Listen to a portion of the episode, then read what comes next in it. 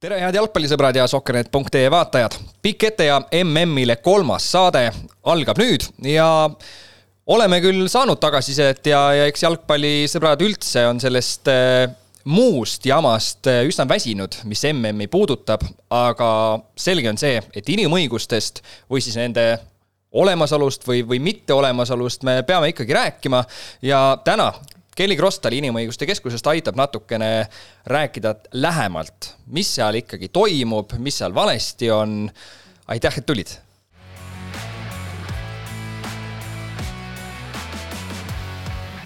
aitäh, et tulid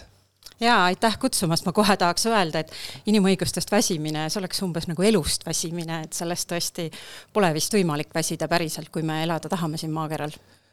jalgpallisõbrad, äh, kes sinna riiki lähevad, ühtpidi vaadatakse neile peale, kui et äh, näete, toetate süsteemi, osad räägivad üldse sellest, et kodus isegi ei tohiks seda MM-i nüüd vaadata. kas asi on siis nii hull, et äh, kui mina näiteks täna hakkan mängu vaatama, et siis ma justkui aitan kaasa sellele, et Kataris inimõigustega on kehvad lood? No võib-olla, kui sa lubad, ma teen ühe sammu tagasi ja vastan muidugi sinu küsimusele ka, aga ma olen kogu aeg kuulanud neid spordifunktsionääre, jalgpallifunktsionääre nii maailma tasemel kui Eestis ja nad kogu aeg rõhutavad meile, et seal on oma kultuur. Ja meil on oma kultuur ja me justkui peaksime austama siis nende kultuuri ja et meie siis äh, jalkasõpradena või sina jalkaentusiastina peaks ikka võtma seda ainult kui, et see on nende kultuur ja lepime siis sellega. aga mõtlen, et siin on üks väga oluline nii-öelda mõtteaps, mis me teeme ja ma soovitaks seda nagu kõigile nüüd natuke teistmoodi hakata mõtlema sellest hetkest saadik, et väga oluline on aru saada, et Katar on ju ise ÜRO liige.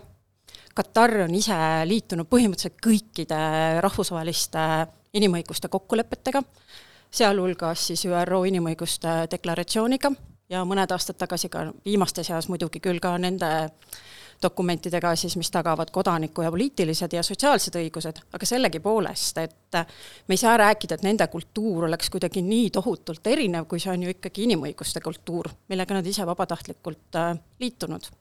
Ja tegelikult äh, sa räägid Katarist, räägime ka Fifast, kes on ka organisatsioonina erinevad äh, nii-öelda siis äh, poliitikad, meetmed vastu võtnud, neil on olemas vastutustundlikkuse ja, ja jätkusuutlikkuse erinevad ametnikud, aga siiski me näeme seda, et äh, Katar äh, hakkas ehitama oma toredaid staadione, justkui sel hetkel kadusid kõik need igasugused tõekspidamised ka Fifas ära, mis äh, jah, osad tehti nüüd hiljem tagantjärgi, et nüüd, kui kaks tuhat kakskümmend kuus mm toimub, siis me kindlasti ootame igasuguseid dokumente uuelt uutelt siis riikidelt, kes hakkavad seda asja korraldama,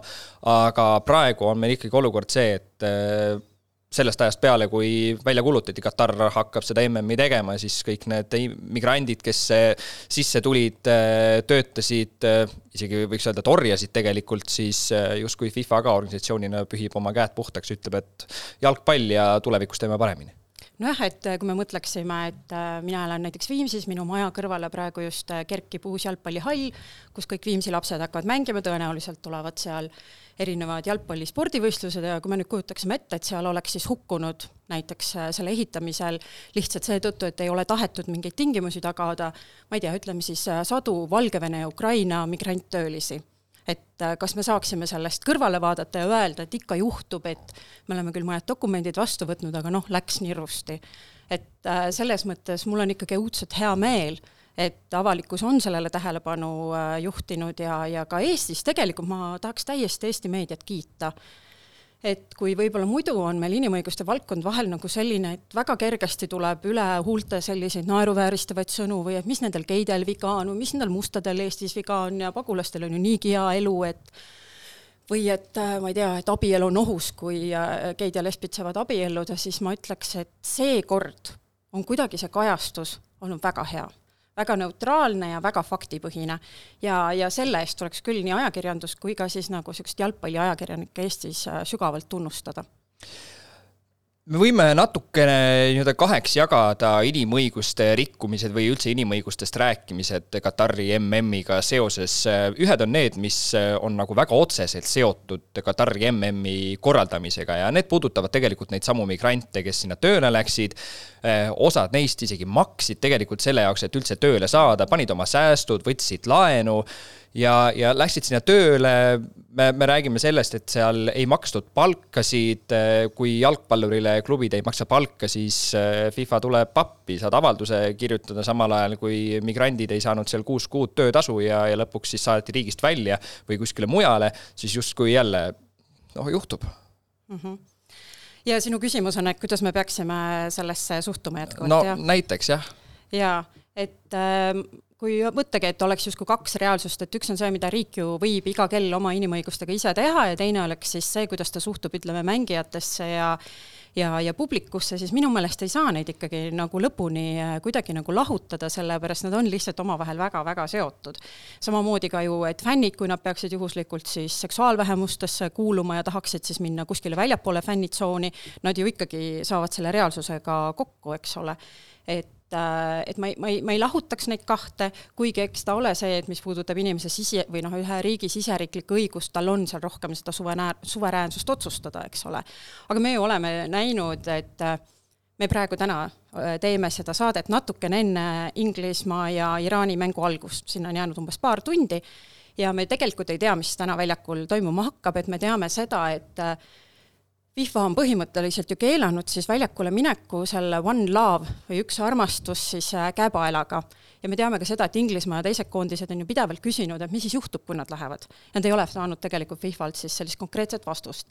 eile õhtul tuli siis uudis, et see on lõplikult ära keelatud ja, ja meedias käivad spekulatsioonid, et mis siis hakkab saama. me ei tea, eks ole, on olnud öeldud, et äh,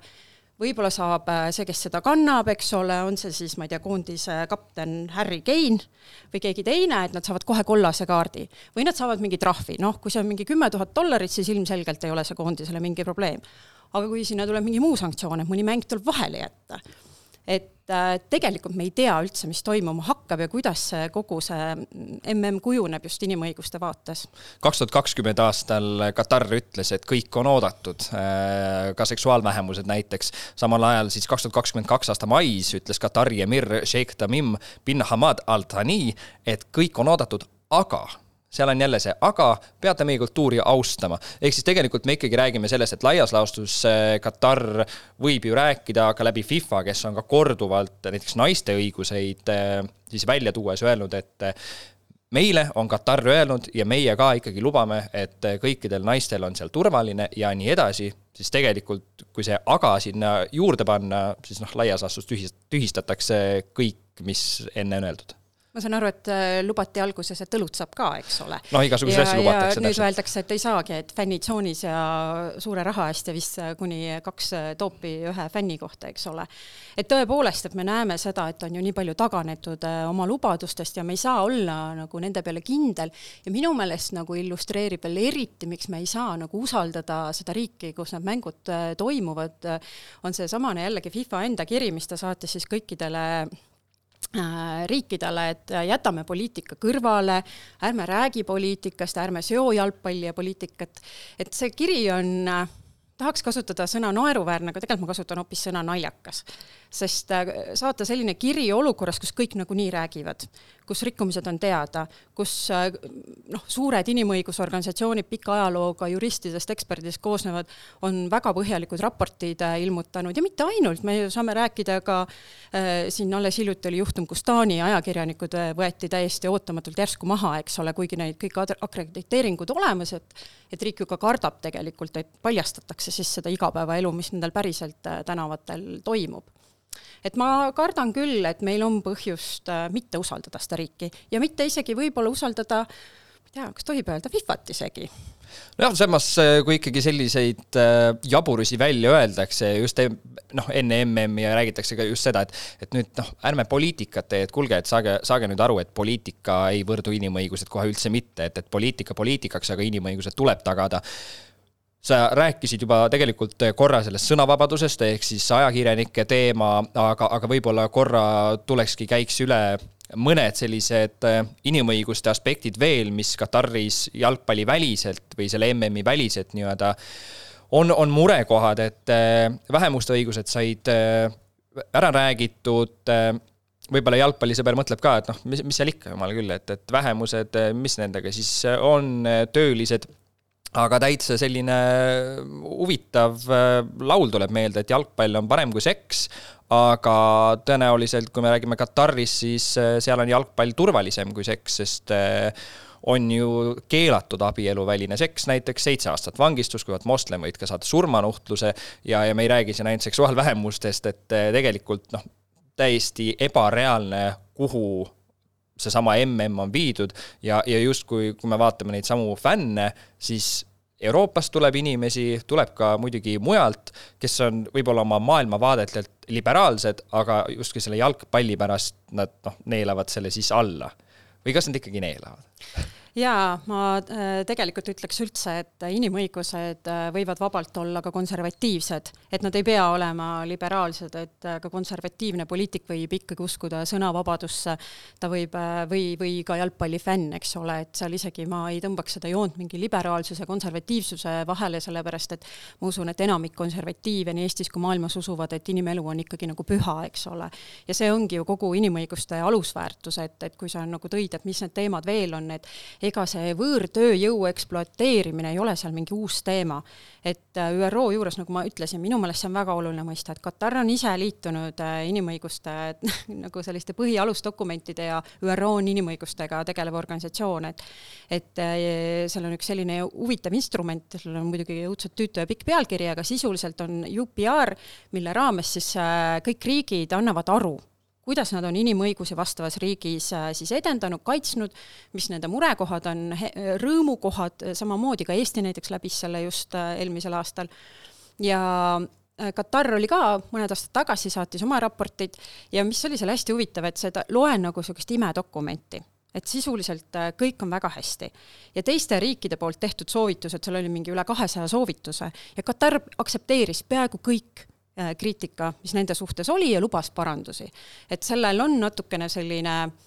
mm, noh, et kui ka jalgpallisõber juba täna teab, mis need murekohad seal on, siis see riik ikkagi teistpidi näeb väga palju vaeva, et meie läänes ja ka muudes riikides lo loomulikult üle maailma ikkagi usuks, et nad tahavad Äh, asju paremaks teha. aga kui me tuleme tagasi jälle praktiliste sammude juurde, siis see niimoodi ei ole. aga kas nad võib-olla tahavad seda lihtsalt näidata seni, kui mm käib, ehk siis naistele, nagu nad ise ka on öelnud ja, ja FIFA on öelnud, et jah, et MM-i ajaks on justkui kõik korras ja, ja, ja naised võivad rahulikult ka nii-öelda tur-, turvaliselt ennast tunda, meditsiiniasutustes teenuseid saada ja nii edasi, aga siis, kui MM on läbi, siis noh, järgmise suur ürituseni, et, et mis iganes siis on, et siis saame jälle näidata, et, et kas see võib ka nii olla? no kui me mõtleme tagasi Venemaal toimunud äh, MM-i peale või Sotši peale või me mõtleme Pekingi peale tagasi, siis pigem meil on alust arvata, et kui diktatuur või üldse selline nagu autokraatlik võim on ennast juba ükskord väga mugavalt saanud pikka aega tunda, siis rahvusvaheline suurüritus ei ole ilmselt see, mis äh, paneb teda tõeliselt muutma. et äh, me lihtsalt ei tea ajaloost väga palju selliseid äh, näiteid ja põhjust nagu skepsiseks, et nendel ongi see nüüd ainult siis kuni kaheksateistkümnenda detsembrini niimoodi on jah, pigem tuleb ilmselt sinnapoole kalduda, kuigi tahaks ju uskuda, et noh, tegelikult samamoodi see naiste õiguste teema, et et väga oluline ja ka ju see, et MM-il on naiskohtunikud, eks ole, väljakul et äh, see on ju ka märgiline tegelikult ja, ja see viib naised pilti riigis, kus nad on pildis väga harva. aga kas see on ka võib-olla selline natuke nagu näitlikustatud et noh, meil on naiskohtunikud, see on natuke sama, mis, et Kataris on tegelikult seadused, mis ka nii-öelda naistele õiguseid annavad, kaitsevad, aga tegelikult praktikas äh, ei tea naised neist suurt midagi, mehed ka noh, lihtsalt kas siis ei tea või ei tahagi teada ja kõik käib ikkagi sama taktikepi järgi nagu enne seadusemuudatusi jaa, muidugi see on natuke positiivne, et ma enne ütlesin ka, et nüüd äh, kahe suure konventsiooniga nad ikkagi liitusid äh, ÜRO konventsiooniga suhteliselt alles hiljuti, mida nad pikalt edasi lükanud, et et see väikene pluss on, sest äh, rahvusvahelises inimõiguste kogukonnas millegagi liitumine tähendab tihti seda, et sa allud ka teatud kontrollimehhanismidele. et see on keeruline küll, aga, aga võib-olla ikkagi mõned väikesed sammud seal võivad olla, aga mulle tundub, et äh, me võiksime rohkem keskenduda isegi Eestis ja Euroopas sellele, et äh, mida meie sellest õpime, mis see debatt nagu meie jaoks tähendab, et et ma tõesti, ma vaatasin ka, et, et jällegi Eesti võib-olla sellised jalgpalli äh, või, või niisugused, kes jalgpallipoliitikat ajasid, ütlesid, et me ei pea nagu sekkuma kogu aeg nii palju nagu teise